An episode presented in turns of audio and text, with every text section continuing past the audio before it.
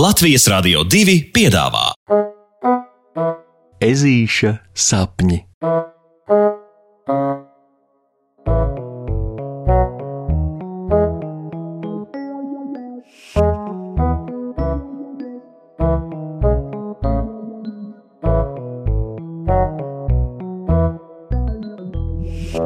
Ezītis grib lidot.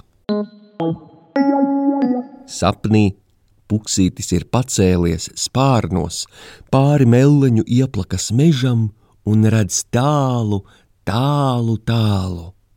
Vējš glāsta ežuļa punci un kutina degunu, līdz puksītim jāšķauda. Uz veselību!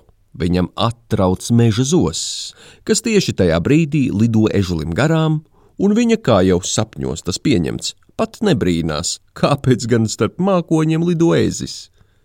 Puksītis ir laimīgs.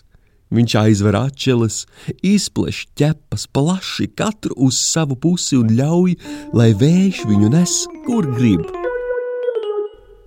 Tā arī puksītis pamostas savā gultiņā, guļot uz punča un ar ķepām izstieptām plaši kā spārniem. Šeit tev nu bija lidošana. Bet puksītim āķis ir lūpā, un lidot viņš grib.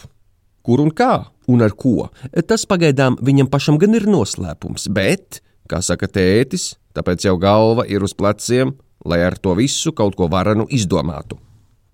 Jo citādāk taču nav godīgi. Putni lido, tauriņi lido, pat odi, pat odi mierīgu sirdi lido, bet viņš nekā. Rezultātā brokastis puksītis atsakās ēst, pagrābdams no plaukta vienu ābolu un skriedams ārā pagalmā. Ja ežulis vispār grib lidot, viņš taču nevar ēst tā kā negauša. Viņam jābūt vieglam kā pūciņai. Tālāk, graužot ābolu, puksītis dodas uz meleņu ieplakas lidlauku. Tur spārnos ceļas un leju plaižas visi ieplakas putni.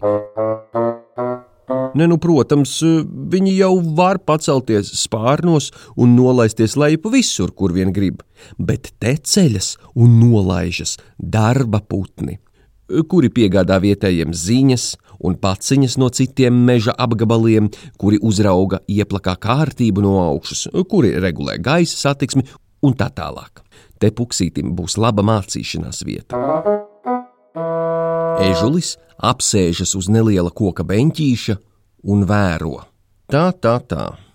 Putni, nolaižoties pēc lidojuma, ar knābi rūpīgi pārbauda katru savu spalvu, lai tikai nekas nekur nav salipis un netraucē aerodinamikai. Zvierbuļi mazgājas smiltīs, ierušinoties tādās kā dobītēs, bet pīles lec netālu esošajā dīķī. Uh -huh, uh -huh. Meža baloži piepūšas un noskurinās, bet gulbi, oh, gulbi!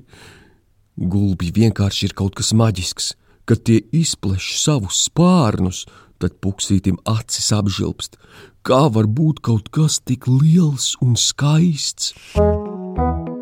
Savu laiku uz beņķīša nosēdējis un sajūtis, ka dibengalā metas tāda kā tirpoņi. Ežulis lec kājās un savu pārliecību nelocīdams dodas tālāk, lai realizētu savu lidošanas sapni. Tā, spārni, spārni, spārni. Viņam ir jāatrod spārni. Un, lai cik tas arī neticami nebūtu, pēc padoma nav ilgi jāmeklē.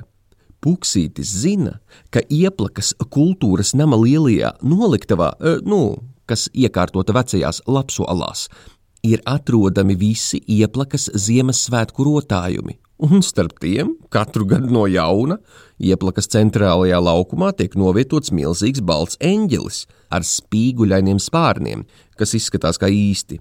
Gan jau eņģelis neapvainosies, jo īpaši tāpēc, ka viņš tāpat turpina stāvēt un būt alas tumsā lielāko gada daļu. Pieliekot nedaudz viltības un mazliet vairāk spēka, pēc savas pusstundas puksītim eņģeļa spārni ir rokā uz atdošanu, protams, uz atdošanu.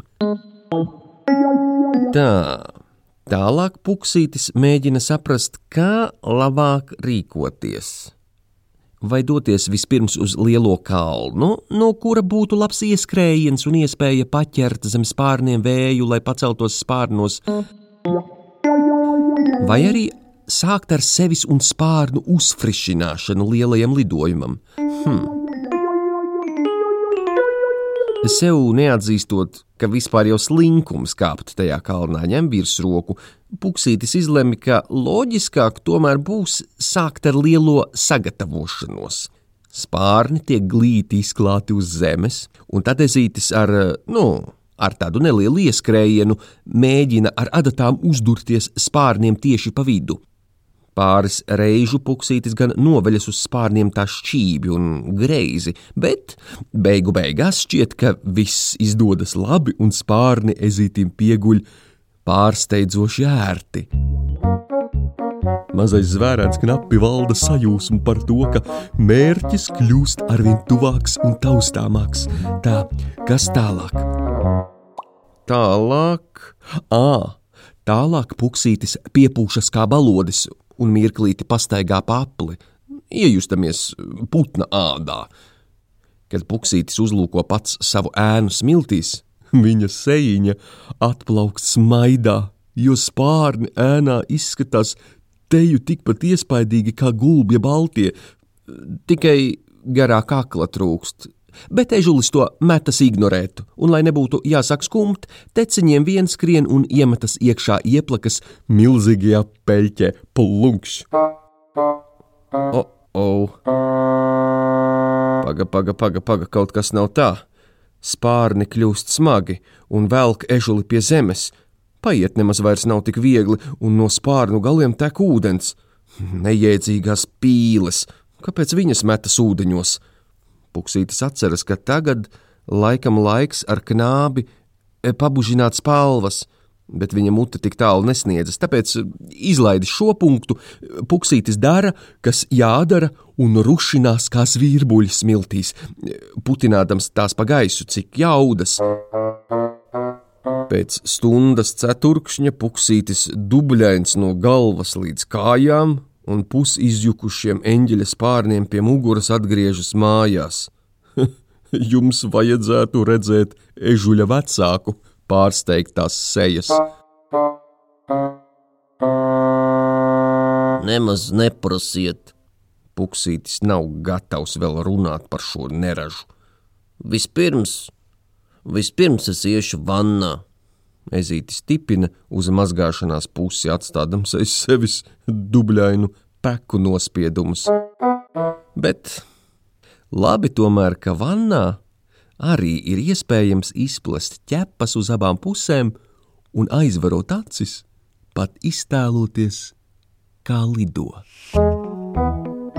Pasakas beigas ar labu nakti! Tiksimies pirmdien!